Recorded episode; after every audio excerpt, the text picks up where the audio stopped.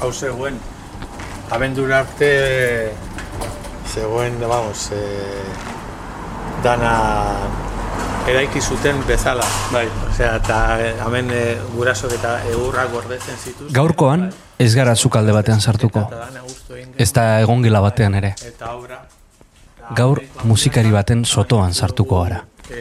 Eta bertako barrunbeak ezagutuko ditugu. komun bat eta fondoan ba, e, ba estudioa. Eta leno, leno, estudioa zen lekuan zertzea. Bas, garajea ere eta trastos bate eta, bai, bueno, garajea, zan bekaldea, etxearen bekaldea. Bueno, bai. Eta bain, hau, Hau da karnizeroan atea. hori da. Eta hemen jarri nuen timbre bat. Zedala letxe, ba, a- askotan nengoen hor lanean. Bai. Eta at- ate atzean, atzekaldean dudanez, kriston sustuak ematen zizkiaten. Estudioaren barruan, soinua oso ezberdina da. Ez dago erreberberaziorik. Eta dena dago amplifikagailuz, teklatuz, trastos eta mikrofonoz beteta. Eta Nola aldatzen den soinua hemen, eh? Tratamenduan abaritzen da. Bai, bai, bai, oso e, gari aldekoak egin zidan obra eta Sikua, eh? oso, bai, bueno, denetarik badu, badu beste brillo puntotxo bat ere goikaldean eta asko ikasi dut e, akustikaz e, lokala dala eta ez dala. Zergatik da importantea sekoa izatea? Bueno, egon behar da oreka, zeikua eta eta eta brillantearen e, artean. Eta normalean komeni da e, hormak ez izatea e, ba, bi ziku, oza, parean daudenak ez izatea zera berekoak. E, bata zikua, bestea ez horren zikua eta egotea aldea. Eta segun zer nahi dozun, badaude erekela kola eraikiak e, bereziki ez egoteko inungo refleksiorik eta bueno. Gaur barruan gauden, Rafa Rueda.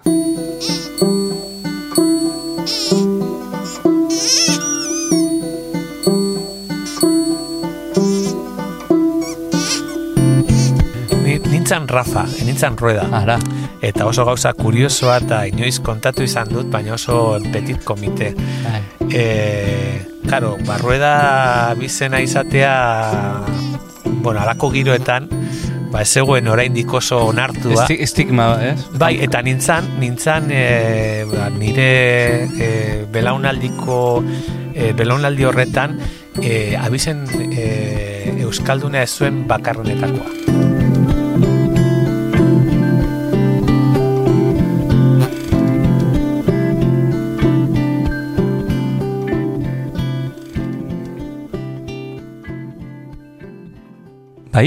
Bai, Hola karakola, oso ondo entzuten da. hola karakola.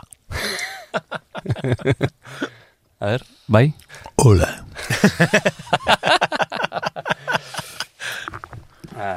Bueno, Rafa, nun gaude? Pues gaude mm, e, nire etxeko garajean eta e, ba, bueno, etor, e, bizitzera etorri ginean duela sei hilabete edo.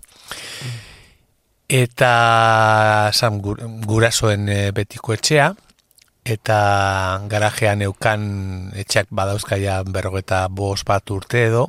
Eta zegoen e, ba, garajea ba, ereiki zuten modu berean eta pentsatu Bai. nuen beti eukidote asmoa inoiz ba etxontara etorriz gero ba, ba lako lokal bat izateko ensaiatzeko eta Estudio bat, eh, estudio bat eta bai aprobetxatu genuen ba gentozela ba pizkat obra egin eta eta alako estudiotxo bat e, ba, insonorizazio batekin nahiko majua eta alantxe, hemen e, mikro, ampli eta ordenadore artean eta hemen gaude. Hemen egiten du lana, Rafak.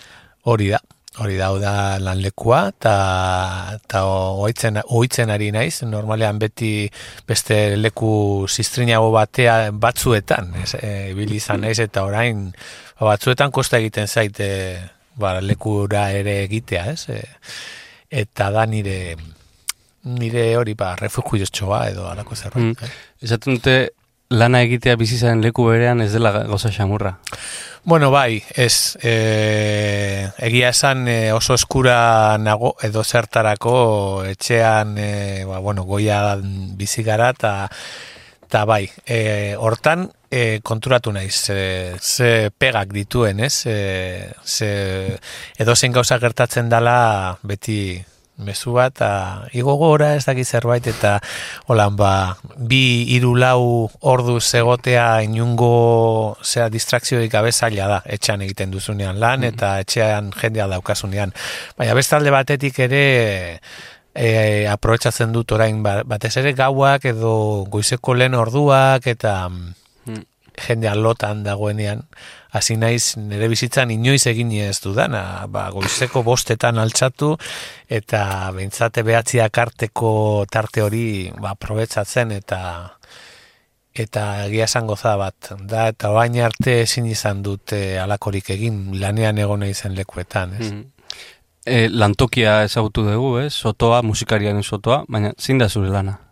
Nire lana ba musikarekin erlazionatua, bi egunez e, e, gitarra eskolak ematen ditut, eta gero ba, ba nabil bateatzen dian gauzak egiten, e, ba, egin izan dute antzerkirako e, musika, e, kortoaren, e, kortoentzat ere lan egin dut, e, eta gero ba beste musikari batzuek e, batzuekin e, lanean, Mikel Urdangarinekin aspalditik nabil, Lutopetekin eta e, ba, bueno, beste mm, hori beste musikari batzu laguntzen ere proiektuekin Mm.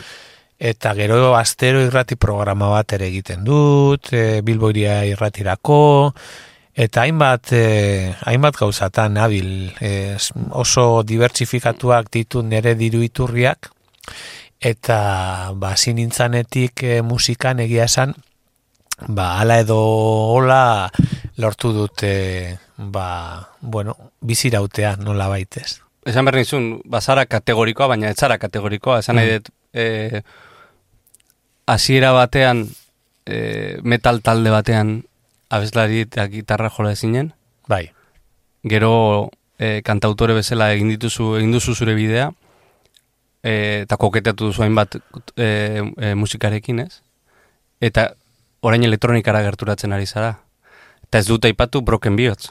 Aurreiritzi gutxiko musikaria zarela ematen du. Bai, bueno, e, pf, hori e, askotan e, komentatu izan didate, ez? Eta nik ez dut inoiz e, alako berezitasunik ikusi alde hortatik, estilo anistasun alde horretatik. Eta beti erantzuten du gauza berbera, e, niretzate musika oso zabala da, et, baina aldi berean ere e, e, estiloen artean ez dut horren besteko alderik ikusten e, mm, ritmo, melodia eta e, e, zera, e, harmonia, ez? Hori, hori baino ez da, edo zein estilotan zabiltzala, eta bueno, ba, azken bola honetan, ba, zin naiz, ba, pizkat jolasten, bueno, elektronika, eske horren e, lausoa dira mugak ja ez dakit elektronika dan edo e, baina bueno bai ordenadorekin eta azken batean e, lengaia e, oso organikoa da, naiz eta sintetizadorekin ere jokatu, ez? Gaur egun musika egiten da e, iaia arratoi batekin. Gero eta e, gutxiago e, erabiltzen dira zuzeneko grabazio organikoak, ez bada oso estilo konkretu batzuetan. Eta estilo hietan ere, jakin nahiko nituzke ba, grabazioen atzekalde hortan e, dauden trukoak eta egiteko moduak, ez?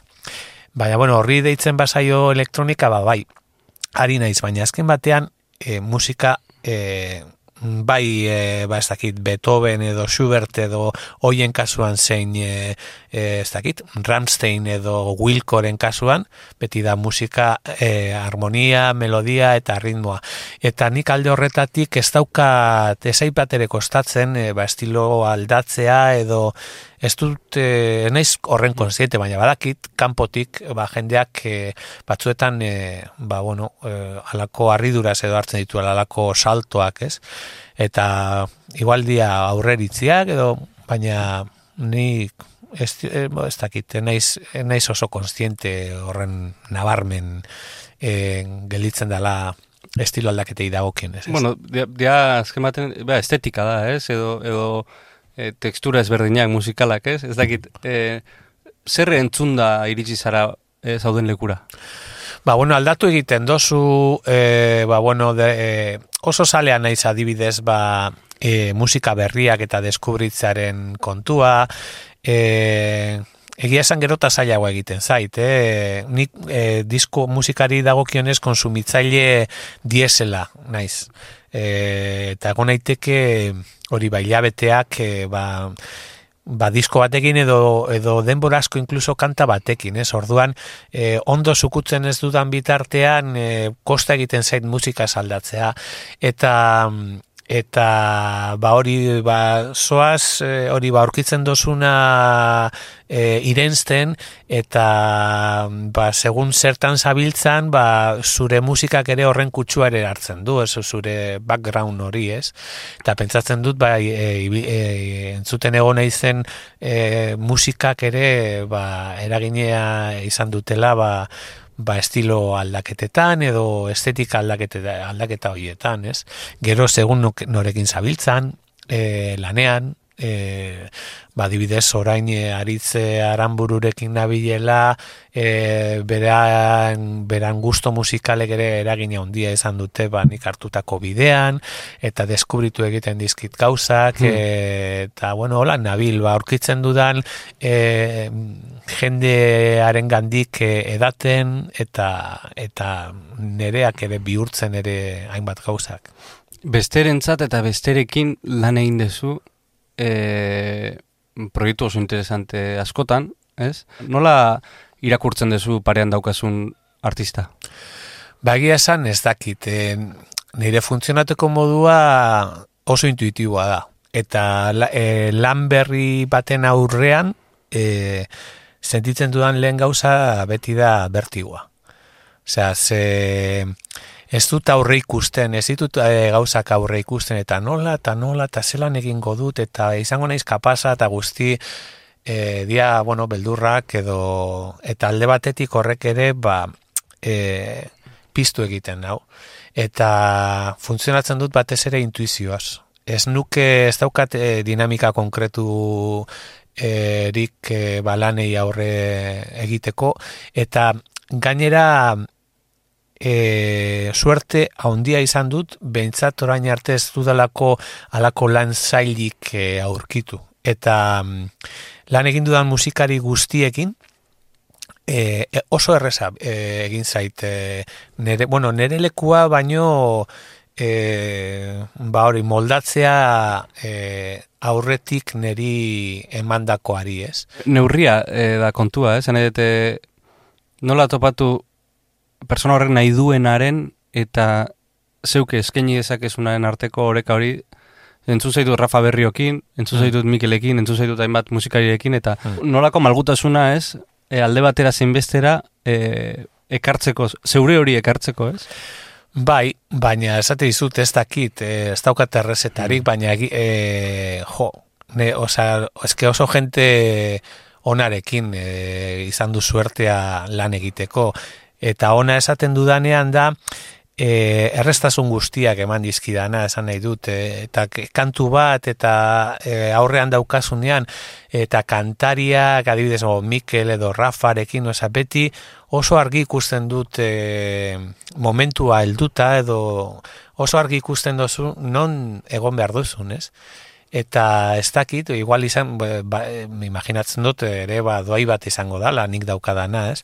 Baina, e, eldu arte, e, bildurra eta ezin egona edo suertatzen zait, eta momentu altzen danean, edo kantu bat bialtzen dizuten, edo ostia, un nola bideratu dezaket, edo nola, e, uf, e, da gero azten zara, eta, bueno, e, badoaz, baina ez daukat inungo e, hori ba lan egiteko modu konkreturik, osea proiektu bakoitzak eskatzen dizuta normalean e, orain arte bai anjerekin edo bai. petirekin edo egin ditudan lanetan e, zuluak ikusi ditut e, barruan sartzeko eta eroso egoteko, ez? Eta hori e, ba, ez dakit nola egiten dan, baina suerte auki izan dut, baina badakit e, gertatu zitekela kontrakoa baina ere suerte izan dut. Pentsatu gabe, kanta bat. Kanta bat, bueno, ba, adibidez, e, nabil etengabe entzuten e, aste honetan e, divine, divine comediren e, to the rescue. So many heartbreaks. So little time. E, deskubritu nuen e, e, Facebooken bitartez e, e, ezagun bati ikusi nion e, bi medala eta ba, dibain, de dibain komedien ondira jotzen oain dela gutxi hor e, barakaldon eta jarri zuen bideoa eta esan ostea nola ba, pasatu zaidan e, talde hau aspaldikoa da, eh? ez dut ezagutzen e, e, talde horren e, kantu gehiagorik, baina bideoa ikusi nuen, eta gainera ikusi dituen antzekotasuna handiak nik e, duela urte batzuk e, e, egin nahi duen musikarekin.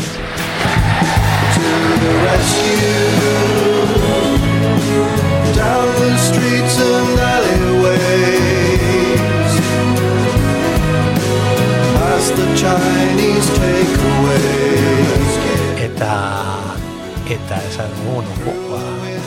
inoiz ez da berandu eta horre, kantu horrez egin nabil e, aspaldi To the rescue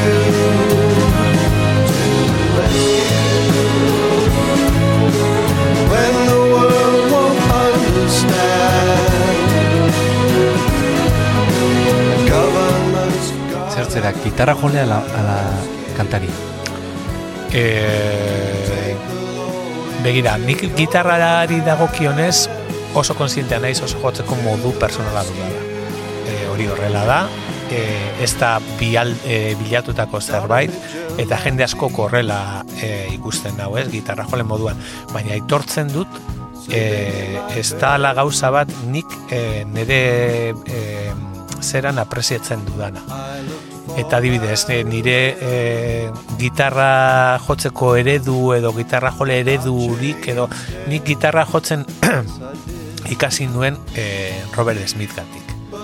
Eta Robert Smith da persona bat, bueno, gitarra jolea da, baina ez da gitarra jole e, tipiko bat, ez? Osa, punteoak igual atzamar batekin egiteko egiten dituen horrelako eta beti ikusi dut, e, osea, ez, ez daukat zer ikusirik, ba, bueno, punteoak edo oso gitarra jole tekniko, eta ez dut nire burua musikaria sentitu.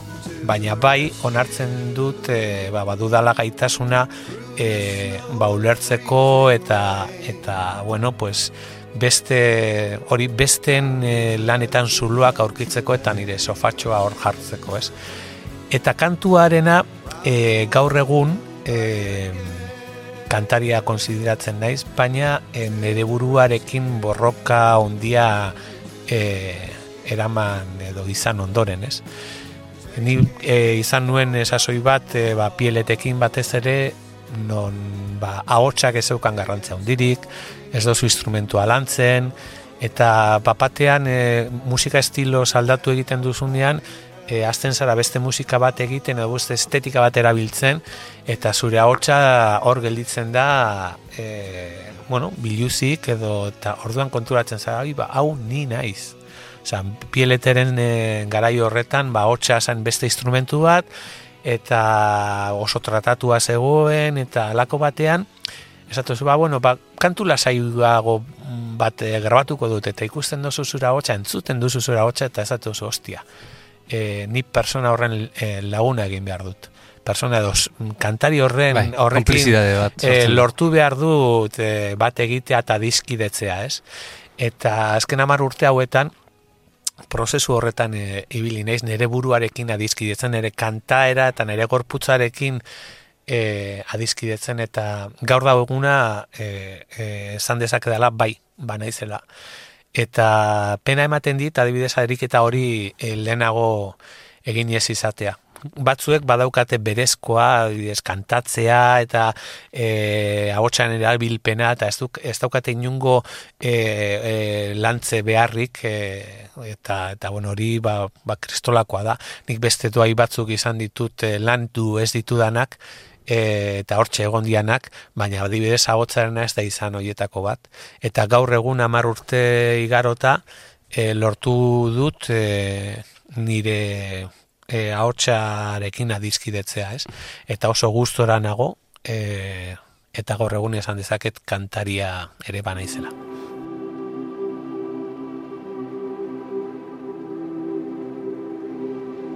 Gitarra jole horok dauka lehenengo gitarran. Zuri lehenengo gitarra oroitzen duzu? Bai, e, lenguzin batek utzitakoa, gitarra, gitarra klasikoa zen, e, ba ez dakit, le, Moises eta lako e, hainbat e, e, pegatina eta sasoi hartakoa izango zen, imaginatzen dut. Eta gainera, e, duela ez dakit zenbat e, eskatu egin zidan, bueltan. E, nerekin, pues, hogeita bost, hogeita mar urte ibili ondoren eta kriston penarekin e, bueltatu behar izan nion. Eta hori ze izan zen, e, ni berez pianoa jo behar izan nuen, e, lehen urteetan, eta lau urte zibilin nintzen pianoa ikasten, eta baina, bueno, lau urte ikasten e, gainbiltzalamen mungian, ez neukan pianorik etxean eta e, ba, piano alako herriko musika eskolako pianoetan Bai. ikasi behar genuen, baina maila batera helduta egia behartzen gintuzten e, instrumentua erostera.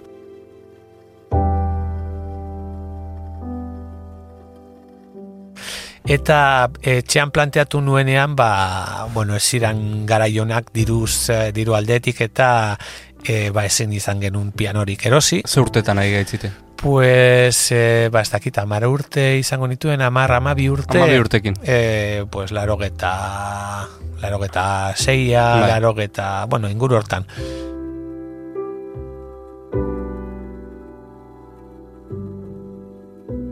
Eta hori, ba, pues, pentsatu nuen, ja banen bilen e, gogoarekin ba, beste instrumento bat hartzeko kortuki gitarra, eta orduntxe hasi nintzen e, gitarrarekin, ba, utzitako gitarra batekin letxean lehenengo, eta gero Mm. ba, hasi nintzen klaseak hartzen, eta pianoa utzi nuen horra parkatuta, eta, gero ba, bueno, ikasketak eta burutu nituen gitarrarenak, eta Bai. eta orain ari naiz berriro pianoa berreskuratzen. Ikasten. Bai. Bueno, bai, ikasten e, barriro ba, hori ba, galdutako hori berreskuratzen. Mm, bai. Oso ezberdina da, eh, pianoa. Eh? Ba, da instrumentu bat e, zoragarria ze oso visuala da. Eta musika ulertzeko nik uste dut e, instrumentoriko berenetakoa dala. Osea, oso hori, oso visuala, Mm. kordeak, melodiak, e, oso modu... Pentagrama eh, ikusteko modua. Ez? Hori bai, e, bai, bai, pentagrama eta horizontala da, eta oso, bai, bai, oso musika ikasteko instrumentorika proposena izan daiteke, bai.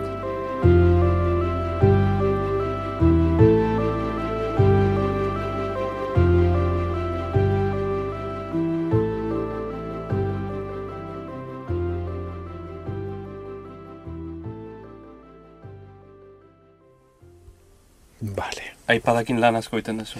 Bai, e, azkenian nire estensio bat da. E, Bai. Behar amaten dudan hemen. Testuak direla, bestea direla, grabatzeko eta eta ja paperak astu ditut. Aipadakin bitzen naiz. Ez dakit afinatuta dagoen. Ze gitarra da? Hau Martin bat. De hogeita sortzi. Ui, ez dago afinatuta etxara. A ver, nola egiten dugun. Afinatzailea ere, aipadean. Bueno, ez, baina orain ez daukadan ez besterik, ba...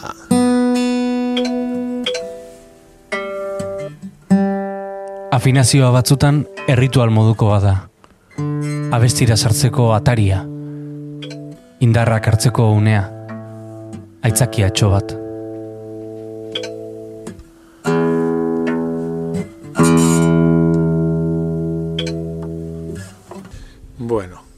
Lehun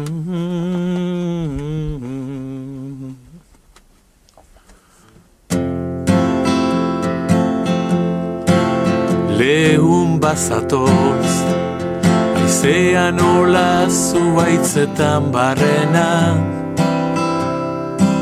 Adi dezakezu Nik aditzen dudana ikusi aizeak ikusten duena harin bazatoz Ihintzariak bezain laster Bostarren hartuko zaitut zugandik ez dut eskatuko ezer. Nire ondoan eseriko zara, arnasa bezain isilik, ez dute oroitzen, eriotza hilda darraiteneken baizi, hilda darraiteneken baizi. Rafa Rueda gazteura, laroita sei, laroita mar urte bitartean, pelotari hona zen. Bai, e, horri biltzen ginean. Ungian, e, e, bakarrik zegoen aukera e, alako aizialdirako gure sasoian, txistua jotzeko, soinua jotzeko, edo pelotan edo futbolan ibiltzeko. Eta ni izan nintzen txistularia, txistularia eta tabaleroa, eta gero pelotaria ere. Edo nola edo, edo zertan sabiltzan. Hemen seriko gara, lehun bi urtez berdinen gatibu. Da gubion arteko lurrak, malkoak edango dizkigu. Nire ondoan eseriko zara, arnasa bezain isilik, ez dute oroitzen, eriotza hilda darraiteneken baizi. E, juvenilak arte, infantilak arte e, ibili izan hor, e, gero pieleteko teklista zenarekin, e, bikotea ginean, abio, aitor abio eta abiok, nintzen aurrelaria eta beratzelaria. Eta Uribe Kosta mailako txapelketa batean, ba, bueno, txapeldun atea ginean. Eta Rueda lehenengoa. Ni- Nintzen Rafa, e, nintzen Rueda. Ara, Eta oso gauza kuriosoa eta inoiz kontatu izan dut, baina oso petit komite. E, inoiz, ba, karo, barrueda bizena izatea, bueno, alako giroetan, ba, ez zegoen oraindik oso onartua. Esti, estigma, ez? Bai, eta nintzan, nintzan e, ba, nire e, belaunaldiko e, belaunaldi horretan e, abizen e, Euskalduna ez zuen bakarrenetakoa. Grabatuko dugu berriz, eh? Oso polita heldu da. Eta danak zian abio, danak zian tal, e, uriarte, eta ni nintzen Rafa. Eta momentu hortan nintzen konturatzen, eta bueno, Rafa talako batean galdetu nuen, ostia, eta segaitik nahi rueda. Eta, eta ez iaten erantzun. Ez iaten erantzun, eta hala gelditu nintzen, nintzen Rafa. E nintzen rueda. Eta geroago ba konturatu nahi zer dan, ze ez dut inoiz sentitu ez dakit, apartheid edo alakorik, Bai, e, bai. ba, batzuetan komentatzen dan, eh. bai, e, komentatzen dan moduan, ez, baina aita Valladolidekoa, Valladoliden jaioa, baina, bueno, Bilbotarra zan, berez. Bai, bai. Eta bai, bai adibidez gertatzen e, gertatu zitzaidan gauza bat zan e, ni, bueno, euskalduna euskeraz egiten nuen. Bai. Etxean inoiz ez dugu euskeraz egin, Mhm. baina euskera egiten nuen, nahiko ez nuke esango oso modu e, fluidoan nola bait, ez? Baina bai, kapazan nintzen ze, ze eskolan euskeraz ikasten genuen, baina frontoian beti erderaz e, e, hitz egiten zidaten. Eta sarrek ere. Osea, eta heldu zan momentu bat e, ez moskeatu ba esan jo, ba, nik euskeraz dakit eta zergaitik hitz egiten didazue e, ba, espainoles edo eta da gauza bat erdi lausotuta daukadana Mm. Baina bai, e, adibidez pelotan e, Rafa nintzan eta errueda. Eta kuriosoa da, eta imaginatzen dut, ba, ba nire abizenaren jatorriak zer ikusia izango zuela horretan ez. Eta horre- horregatik e, e, ikasi zen euskal filologia? Ba horixe da, horixe da, begira, e, guri imaginatzen du gure sasoian eta orain ere egiten dala, ez? Ba, e, bup edo kou ikasi genuenok, Bai. e, ja unibertsitateko puntu hori eltzear zegoenean, testak eta egiten e, zizkiguten, ba, bideratzeko lehenengo zientziak, letrak, eta elkarrizketa batzuk egiten zizkiguten, eta niri tokatu zitzaidanean, egia esan ez ne, e, e, argi neukan bakarra zan musikari izan behar nintzala. Eta gogoratzen dut e, zera e, ba, ez, ikasle ez nintzen ikasle txarra, ikasle errestasuna neukan egia esan Bai. e, aprobatzeko. Ez, ez dut inoiz notarik atera, baina e, ez dudalako aleginik egin nota. Da. Superviviente bat zinen. Superviviente bat, bai, hor nengoen eta ez zitzaidan kostatzen aprobatzea, baina, baina ez nuen eh, ez dakit eh, bikainik ateratzen ere, ba, bueno, hortxe, ba, eta eta elkarrizketa hartan e, komentatu zen, bueno, txuta zuk ze, ze izan nahi duzu e, ba, ametik urte batzuetara eta eta erantzunen, ni musikari izango naiz. Jose Tejeria da haunere grazia Ipuzkoako aian jaio da Iroza eta hiluan horra desgrazia Publikatzera nua asuntu guzia eta ea, irakasleak esatzen bueno bai e, hori bai baina bueno badakizu e, hori ba bueno oso gauza zaila dala baina nabil ba, lanari lana nondik bideratu nahi dauz eta ba musikaria izango naizela. Eta ah bai bueno ba nik eta gomenda, gomenda, eh? bai gomendatzen zidaten zientziak hartzea E, bon, nik uste dut e, zuretzat Bai. e, e, zientziak e, ondo egon daitezkela eta esaten nuen, bueno, pff, ba, ez, ez nekien ondik bideratu, eta azkenean mista sartu nuen, ez? Eta kou bukatu, eta pentsatu nuen, zer, zer egin dezaket? Orduan nengoen ja ba, musika ikasketan nahiko aurreratuak eta ja gitarra karrera bukatzeko eta zera hortan. Eta unibertsitatean hasi nintzanean edo hasi behar nintzanean pentsatu nuen begira ba euskaraz ik- ondo ikasiko dut. Edo saiatu naiz ondo ikasten. Eta horregaitik matrikulatu nintzen e, euskal filologian deustun Begira. e, egin e, atera nuen, aprobatu nuen Bai. e, oso errez aitortu behar dut ez nuela askorik ikasi ere baina bai e, e, balioin zitzaidala hizkuntza bere, bueno, bere ganatzeko Bai. eta eta bueno, persona batzuk ere ezagutzeko naiz eta e, iaia ez nintzen klasera agertzen baina bai ezagutu dudala oso jende interesgarria, baina e, damutu zait askotan unibertsitateko e, sasoiura e, mm, bere osotasunean ez bizitzea. Osea, Ez zukutzea. Ez ukutzea, bai. Eta askotan pentsatzen dut, berriro inoiz aukera baldin badut edo denbora, hasiko nintzala berriro beste zerbait ikasten, eta, bueno, unibertsitarioa behar dan moduan izaten ez. Borrerua begira zegoan atzetik barkazioan oan azkena eskatu zergaitik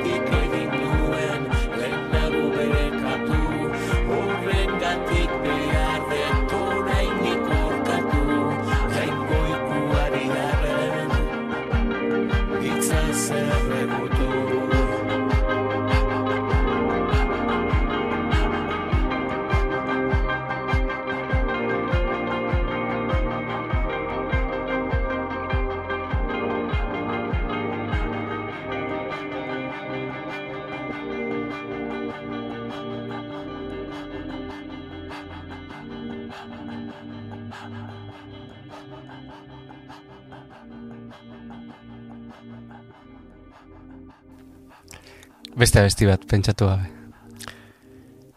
Beste jode, pentsatu gabe. Trampa dauka, trampa dauka. Eh, Abixatu gabe. LCD Sound System eh, One Great Gone uste dut horrela deitzen dala bueno, gero bestela erabiltzen badozu begiratu Bai, beratuko dut. bai. Someone Great izena du abestiak.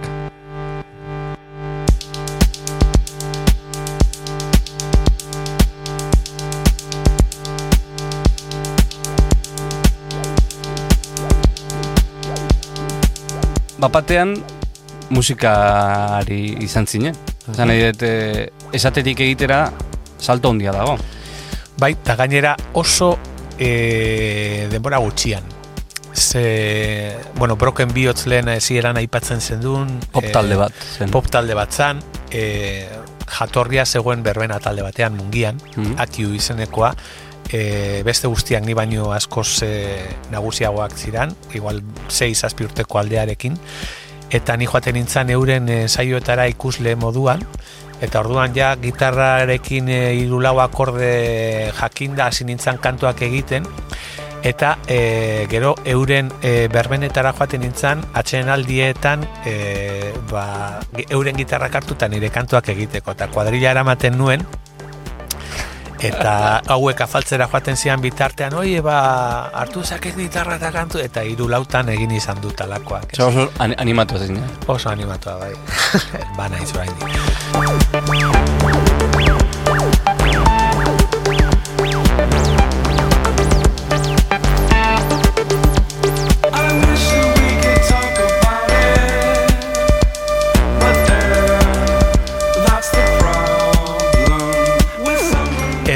Kontua da hori ba, e, ba joaten ginean hauen e, e, zera erromerietara eta halako batean e, e, lokalean zeudela joan nintzen beste ensaio bat entzutera eta komentatu nien ba, kantu batzuk ditut eta animatuko sinaten e, laguntzera eta grabatu genuen halako maketatxo bat. Eta maketa horrekin e, balon mugitzen eta e, ze, amazortzi urteak bete nituen Lorenzo Records estudioan e, geundela grabatzen maketa Bai. hori Bai.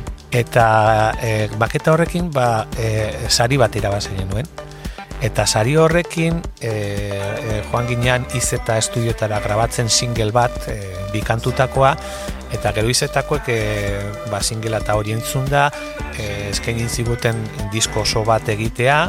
Eta hortik e, eta konturatu barik e, hasi nintzen dirua ataratzen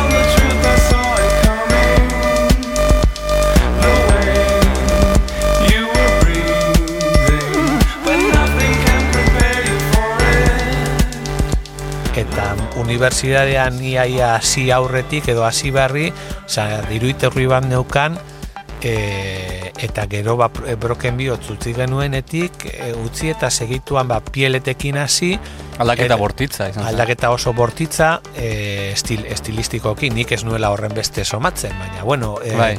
eta gero etorri izan e, Eila Jainkoaren e, ba, pelotazoa, eta hasi ginean, eta diru gehiago e, irabazten. Eta nondik etortzen zen diru hori? Esan nahi dute, garai hortan, e, ze, bueno, nik akaso pixkat ezagutuko dut, baina segurazki gazte askok ez dute ezagutu garai hura, ez?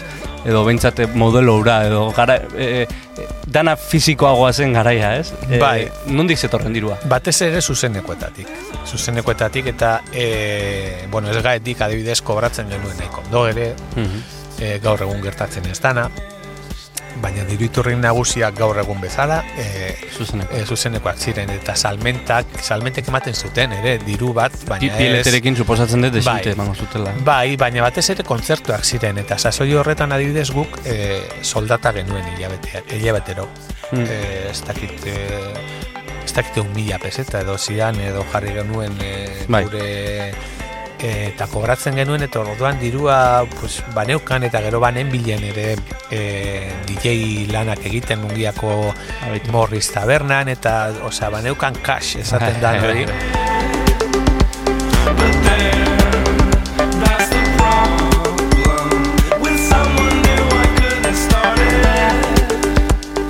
eta konturatu gabe ba, ba hori gero kontura, e, e, ikasketak bu, e, bukatu nituen e, bueno, musika ikasketak bai eta baita e, ba, Euskal filologia, euskal bai. filologia eta eskaini egin zidaten e, bukatuta segituan bueno, pues, klaseak ematen hastea ikastola batean eta nire ama komentatu zian, ba, bueno, hau tal, eta hau komentatu diat eta ez dakiz zer, eta Euskera ikasketa. e, Euskera irakasle izateko.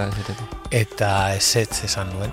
Osea, bueno, etxean, pues, bueno, pizkat disgustua eta hori eta hortxe jarraitu nuen, ba, e, ba bueno, bo, pues, dirua orduan e, handik e, gutxira, bueno, urte batzuetara ia etxetik urte, baina orduan ere gurasoekin oraindik e, e, etxean eta ez neukan e, diru askoren beharrik ere, Bai. baina e, irabazten nuena zen behar nuena, baina askoz ere gehiago eta ez nuen planteatu e, lanik, lanik egitea mm, ba, ez da, irakasle edo Bai. eta nenbilen, ba hori, ba, pieleten ateratzen genuen dirutik, eta horrekin, eta hola, bo, esasin nintzen, e, gero, ba, bueno, beste lan batzuk egiten, beste musikari batzuekin, gerora, ba, e, musikaiak, e, gitarra eskolak e, eman Mm. izan ditut, eta Bai. ematen ditut, eta eta hola, eta ez dut, e, izan ditut, e, holan, e, ba, irakasle moduan eta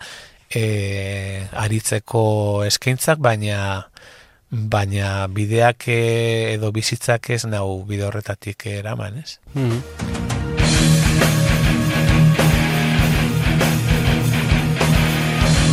Esan daiteke rockero zarra zarela. Ze e, musika talde potente batean e, jardun zinen, gainera okrespanago, e, bueno, leku askotan josan duten pileterekin ez? Sale asko zen euskaten. Bai, sale asko baino ge, e, geneuzkan ez, ginen erdi kultozko talde bat, baina e, suerte izan genuen lehen lehen diskotik, batez ere la jainkoan kantuari esker, ba, e, Radio 3 bezalako emisora batean asko jartzen zuten gure musika, eta e, ba, joaten ginean e, ba, estatura, estatuko hiri nagusien ere ia guztietara, Bai. eta ba, bai biltzen genituen berreun bat lagun, irureun lagun, orduan geneukan e, gure, gure saleak oso sakabanatuta, baina e, taldea mantentzeko modukoak, ez? Adibidez, gure solout bakarra izan da e, barriro e, barru, Ribeibala. e, barru e, duela urte batzuk ber, e, jaztak izan bat urte, pasatu dian pare bat, edo Bai, bai, bai, bai. Eta hor, hor, hor izan zen gure lehen soldauta, ez? Kafe antzokian. Osea, Ze, ze sentsazioak izan duten horren beste jende. Bai, ba, bueno, pizkate dio, bua, ba, Nostalgikoa zara, Rafa? E, bai, ba naiz, nostalgikoa, baina bestekiko. Osea, adibidez, ez, e, nere buruarekiko ez ez zait e, bat ere ad- adibidez argazkiak gustatzen. E, ez, ez, ez gustatzen neure burua iraganean e, ikustea. Beti nahiago dut etorkizunean edo gaur egunean. Eta ez ditut nire diskoak gordeta. E, nire e, e, prentxan agertutako guzti horiek eta ez dute zer gordetzen, ez da bideoak, ez zait, nik uste dut e, iraganak batzuetan beldurra ematen dira.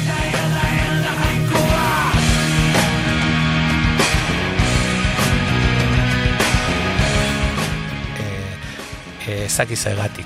Orduan, e, saiatzen naiz e, gaurkoa eta biharkoan pentsatzen e, iraganan baino gehiago.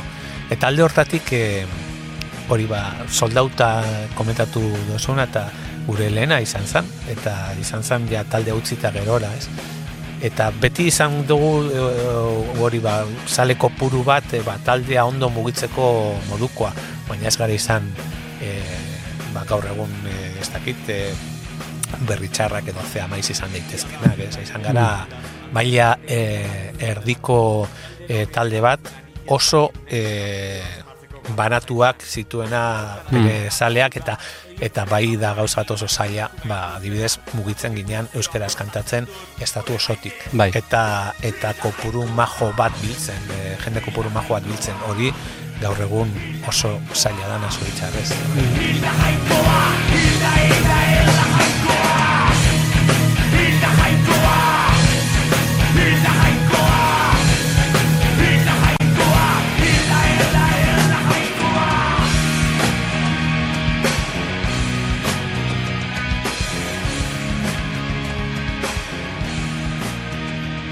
Aipatu dugu mu musikaren mundua, eta suposatzen dut hor, hor, hor, musikaren mundua ezagutu zenuen zeuk. Beti begiratu izan da nolabaiteko admirazioz, baina baita ere iluntasun bat bezala en, en, nabaritzen zaio musikaren munduari, ez? Bueno, ba, guk ez dugu hori hori bizi bere bere betean esan nahi dut. Gu adibidez pileteren sasoian ginean pipiolo batzuk e, gazte kuadrilla bat, ze, bai abio sanpetani, ba ume umetatik eta gure drogarik e, guztokona alkola zan Hmm. eta bai ikusi genuela inguruan eta fli, jendeak flipatzen zuen adibidez guk eh, alkola besterik ez genuela edaten. Eta nik adibidez badut eh, esperientzi bat eh, Madrilen eh, multinazional baterako e, proiektu batean, e, ba, e, gitarra jole moduan, e, Bai. eraman ninduten, orduan, Grabazio baterako. grabazio baterako, orduan, e, igual amazortzi urte izango nituen, edo gutxiago, igual amazazpi amazortzi. Eta e, poligram izeneko disketxe batentzat e, disko bat grabatzera, eta orduan, begiratu, e, gogoratzen dut, e, ia ia bete oso bat egon ginela grabatzen, musikari bakoitzari ematen ziguten e, aparta hotel bat, eta e, ez da, uste dut, bos mila pesetako e, dieta eguneko gehi e, grabazioagatik e, e, kobratzen genuena. Hori garai hortan e, ikaragarria. Bai, bai, bai. Eta eh, han zegoen AR izeneko Artist Relations edo alako Bai. bada persona bat, Bai. eh, ba, bueno, taldearekin dagoena, eta Harremanak eramaten eta- zaituena, eta orduan ezautzen nuen, ezautu nuen Moroko, eta Bai. Madrileko hainbat eh, antro, eta ginean, musikaria ginean barakaldoko bateri jole Bai. bat, eta ni. E, bateri jolea ni baino pizkat e, zarragoa, baina nahiko gazteak biok, Bai. eta Madrileko e, kaletatik eta etorri zan tipo AR hori, eta bota zuen farlopa bola bat e, esku hau bezalakoa mai gainean, egin zuen pum, eta bueno, hau zuentzat. Eh? Eta...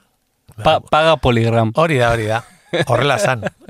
Eta, eta gu ez, ba, ba ez, e, ez dugu, Reventa. eta tipuak kriston moskeo hartu zuen. Ah, bai.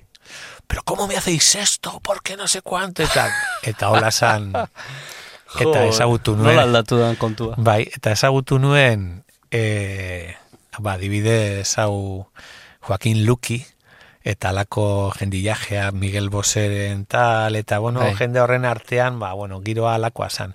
Rock and rollak hemen, eta gaur egun, eh, esango nuke, eh, musikan, musikan, vamos, gaur egun modan ura, zumuak eta gimnasioak eh, direla eh, benetan arrakasta Ma, duten. makrobiotika. Hori da, hori da. Bai, Musika makrobiotika. alaxe da.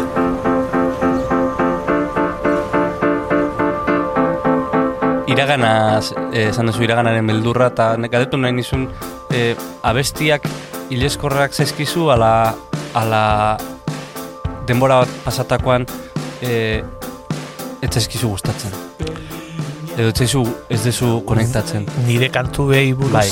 e, denetarik dago. Batzuk e, e, osea, bada, e, ikuste dituzu eta gaur egun bizirik daudenak eta beste batzuk ez. Eta eta hori da gauza bat e, ba, bueno, sekulakoa dana. E, disko bat egiten duzunean beti daukazu sentsazioa ba, egiten ari zarela edo egin duzula e, zure laniko berena. Gauaren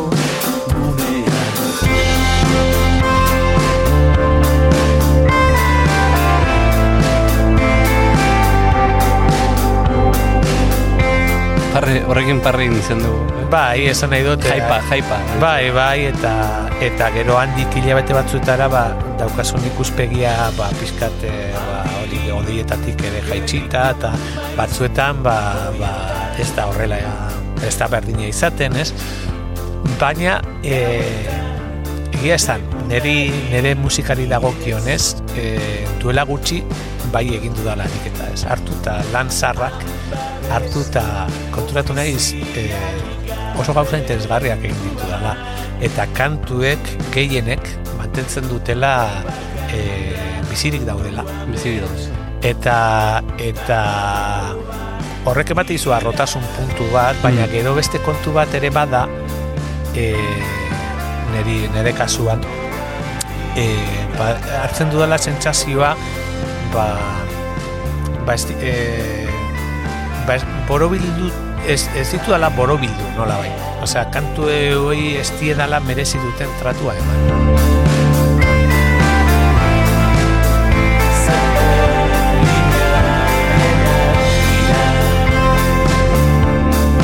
Batez ere ahotsaren erabileragatik eta eta esatu oso hostia. Hmm, jo, ze kantu honak egin izan ditut Berriz grabatuko nituzke. berriz grabatuko nituzke. Eta gero esate duzu, jo, ba, karo, eske jende hori jende guztiari gertatzen zaio, edo gehienei, behintzat, e, e, komentatu izan dut jendearekin, eta esate duzu, jo, ondo dago, berriz grabatzea, berriz grabatuko banitu e, zer eta zalantzak, ez?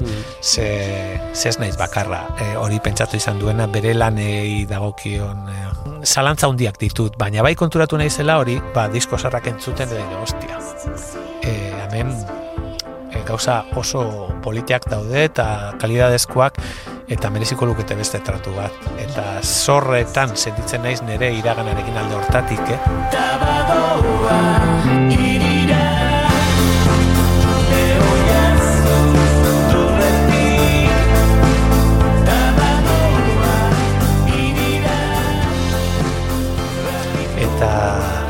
Eta susmoa daukat ere askotan ere komentatu izan dut baina berro eta sei urte e, ditu dala eta dauzka, daukat sentsazioa e, zer ere egin ez dudana ez dute zer egin eta e, bilbidea bat daukat eta dinot ostia eta horrek ansiedade piloa sortzen dit eta begiratzen dut egin dudan eta jode ez da- eta Gauza asko indituzu, ezer ez egiteko gauza asko indituzu. bai, baina, eh? baina sentsazioa sentsazioa ez Ust- da hori Ustuzarenaren sentsazioa. Baina hori artista guztiek daukate, ez? Hori da motorra, ez? Ez da hori motorra Ez dakit, eh, egiten, ez egiten jarraitzeko? Bai, bai behar bada, ez dakit, e, beste onkasuan, e, baina nik bai da, e, daukat hori, osea, da, Ah, Hori alainek esaten zuen, ez? Alain urrutiak gure laguna da. bai, Esaten zuen, berak esaten zuen, eh, luko balitz nahi duen edo gura duen hortara, eh, lukela gehiago pintatuko. Eta hori inorrez da heltzen, ez? Nabarmena da, etxarela helduko, horregatik jarraituko duzu, ez? bai, bai, baita, baita. Bueno, bai, topikoa ere bada, Bai. baina e, batzuetan helduzarenaren sentsazioa ere baduzu, eh? Osea, eta egiten duzunean zerbait e, e, arrotasun puntu ho- hori ere bada heltzea, eh? Osea, eta nik badaki zer dan sentitzea lan bat bukatu eta arro egotea.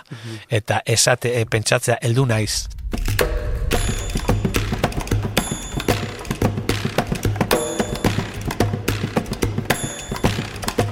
Jarri dezagun ekoizlearen za- eh, txamarra, ekoizlearen eh, eh, txaketa.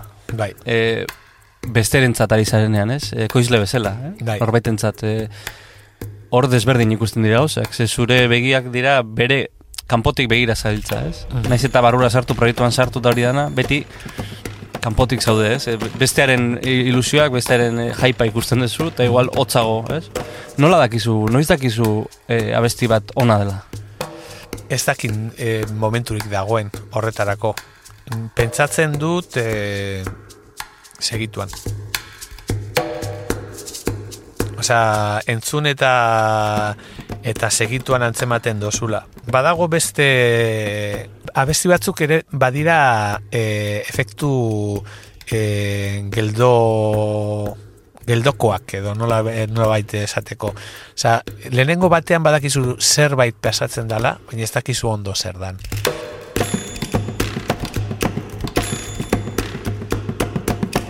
Dastatzen dituzun bitartean behin eta berriz, orduan deskubritzen dozu dira e, papel asko dituzten e, karameluak. Hmm. Eta igual lehenengo entzunaldian papel bat kentzen diozu, bigarrenean beste bat, eta azkenean karamelua gertzen da, ez?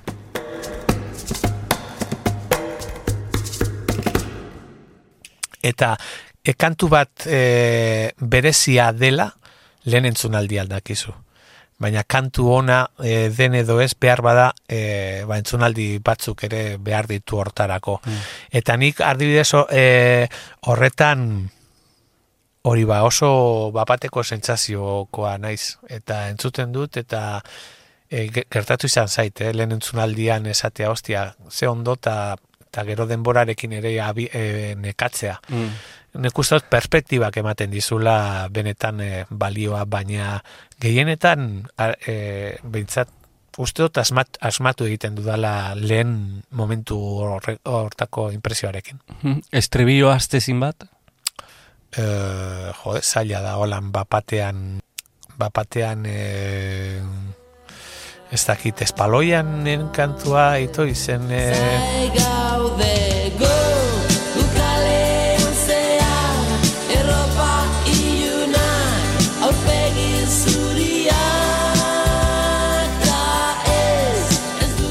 Ba, esateagatik bat, bai, bai. eh? Olan burura etorri zait, bai. oso salean nintzen, umetan, bai. eh, urterekin eskapatu nintzen fadura, ba, amasi, ez dakiz emat urte nituen, fadurako kontzertu gura grabatu zuten azkena ikustera.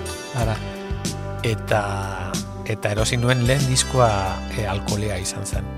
Eta hortik, ba, bueno, orain ogortu zait hori zen. Ba, guazen zuri gustatzen zaizunera, ez? Etorkizunera, guazen etorkizunera, oain aita zea, Bai, aitatxo, zea. E, horrek suposatzen dut gauzak aldatzen ditula, ez? zeharo, e, eta nire bizitzan e, adibidez, oain e, ari naiz, e, Esan dizut, suposatzen dut, gezurra, badakit. zuere, Aldatzen- zeralako. Aldatzen ditu, aldatzen ditu. Ez ez esango, eh? Bai, e, ari naiz e, denboraren kudeaketa lantzen. Eta oso zaila egiten nahi zaitegia esan. E, zeda gauza bat, ez daudenean ohituta e, mugak e, izatera alde horretan, ba, eta gehiago sor, bueno, sorkuntzan edo ez dakit, batzuetan hitza pedantea iruditzen zait, baina ez dakit nola definidu, ez, ba, e, alako gugu ibili gaitezken lan horietan. ez? Denbora asko behar da. denbora asko behar da eta denbora asko behar duzu ezer egin gabe.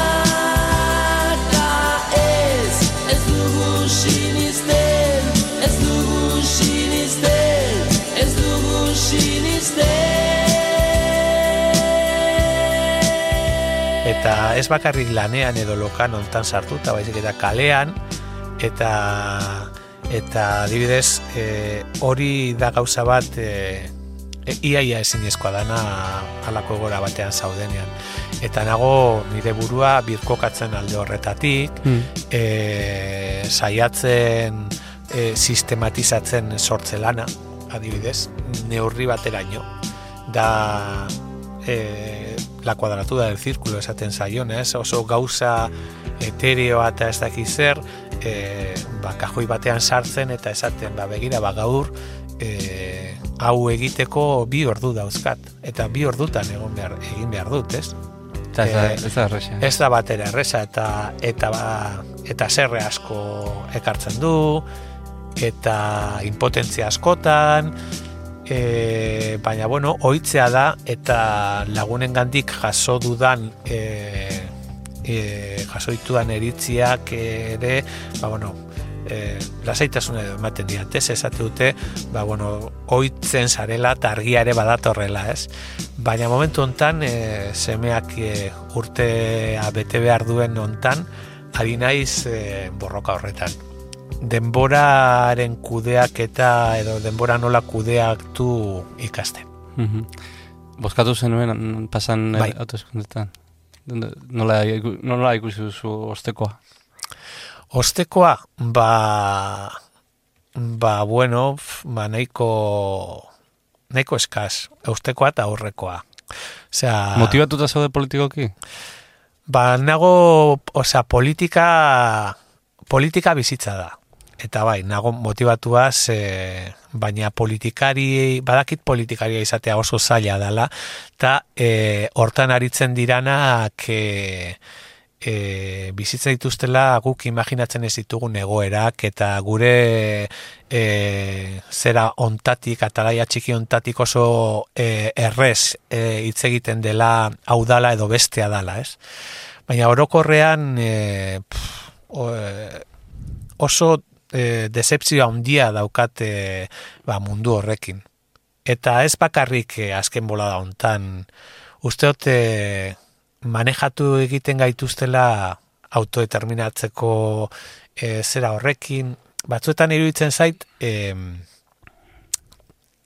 ba ez dakit, eh, erabiltzen dira lako kontzeptu e, oso oso barnekoak eta oso e, manipulatu egiten gaituztela. Eta bertzaletasuna edo independentzia edo alako kontzeptuek e, ba, momentu batean poltsikotik atera eta gero sartu egiten didala, e, egoeraren arabera, eta oso modu friboloan ari direla e, egoera kudeatzen. Hor, des, decepzio orokorra dela esango nuke, e, baina zuk esan aipatu zu denboraren kudeaketa, ez? Baina hemen dago beste bat da itxaropenen kudeaketa. Ze, e, bueno, ni pipiolo bat naiz, ez? Hogeita hamar urte ez da ezer e, politikan e, ikuspuntutik, baina, baina e, nahikoa da pixkat irakurtzea konturatzeko e, pues, beti gabiltzala erruera ber, berdinari jiraka, ez? Ez dela... Bai, eta esaten dozu, jo, nik inoiz eta ko- e, bueno, lagunen arten eta komentatzeko, ni aber, abertzale moskeatu bat naiz. Osea, nire burua e, ni independentziaren aldekoa nahi zera bat, baina e, superviventzia arra- arrazoien gatik, arrazoi batez ere kulturalak. Hmm. Eta nik uste dut e, e, ba, ko, ez, kontzeptu hoiekin eta independentzia dala edo autodeterminazioa dala, osea, benetan e, politikariak ez dira ez dira zintzo jokatzen ari. Eta ematen du hori ba ba gaur e, interesatzen gaur interesa dugula hontaz hitz egiteko biharrez etzi agian eta eta lako gauzekin ez, ezin da jokatu. Osea, eta e, bizirauteko gauza bati buruz hitz egiten ari bagara, kultura bat bizirik mantentzea or- mantentzeari buruz, osea, ezin da gaur bai eta biharrez eta etzi agian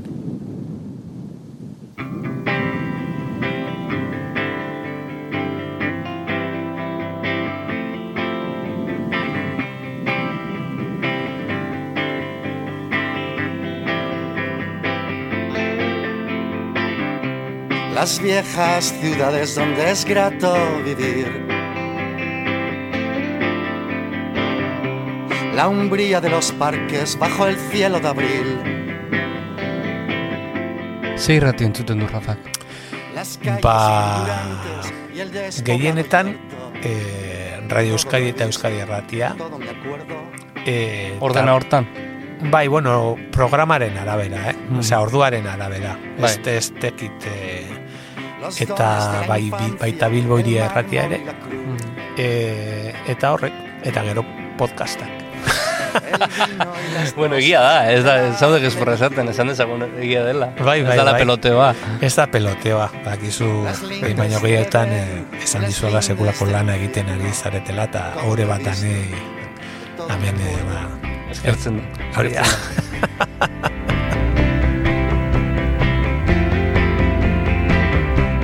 Los campos sembrados, la flor del girasol. Los altos campanarios, el humano tesón. La guerra y la paz, lo efímero y lo eterno. Todo lo he visto, de todo me acuerdo. En mis Oso ondo, Rafa. Ba, zesango izut, eskerrik asko zure sotoko ateak zabaltzeagatik. Eskerrik asko zuri. Todo lo he visto, de todo me acuerdo. Todo lo he visto, de todo me acuerdo.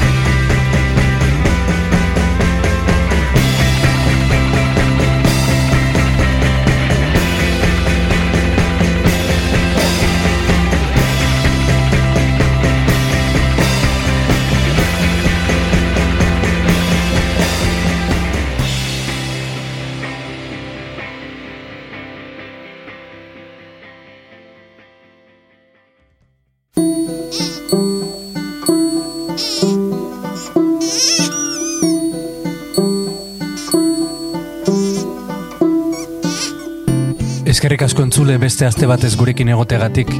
Datorren astean gehiago, beste norbaiten etxean sartuko gara. Beste norbaiten barrenak ezagutuko ditugu. Urren arte.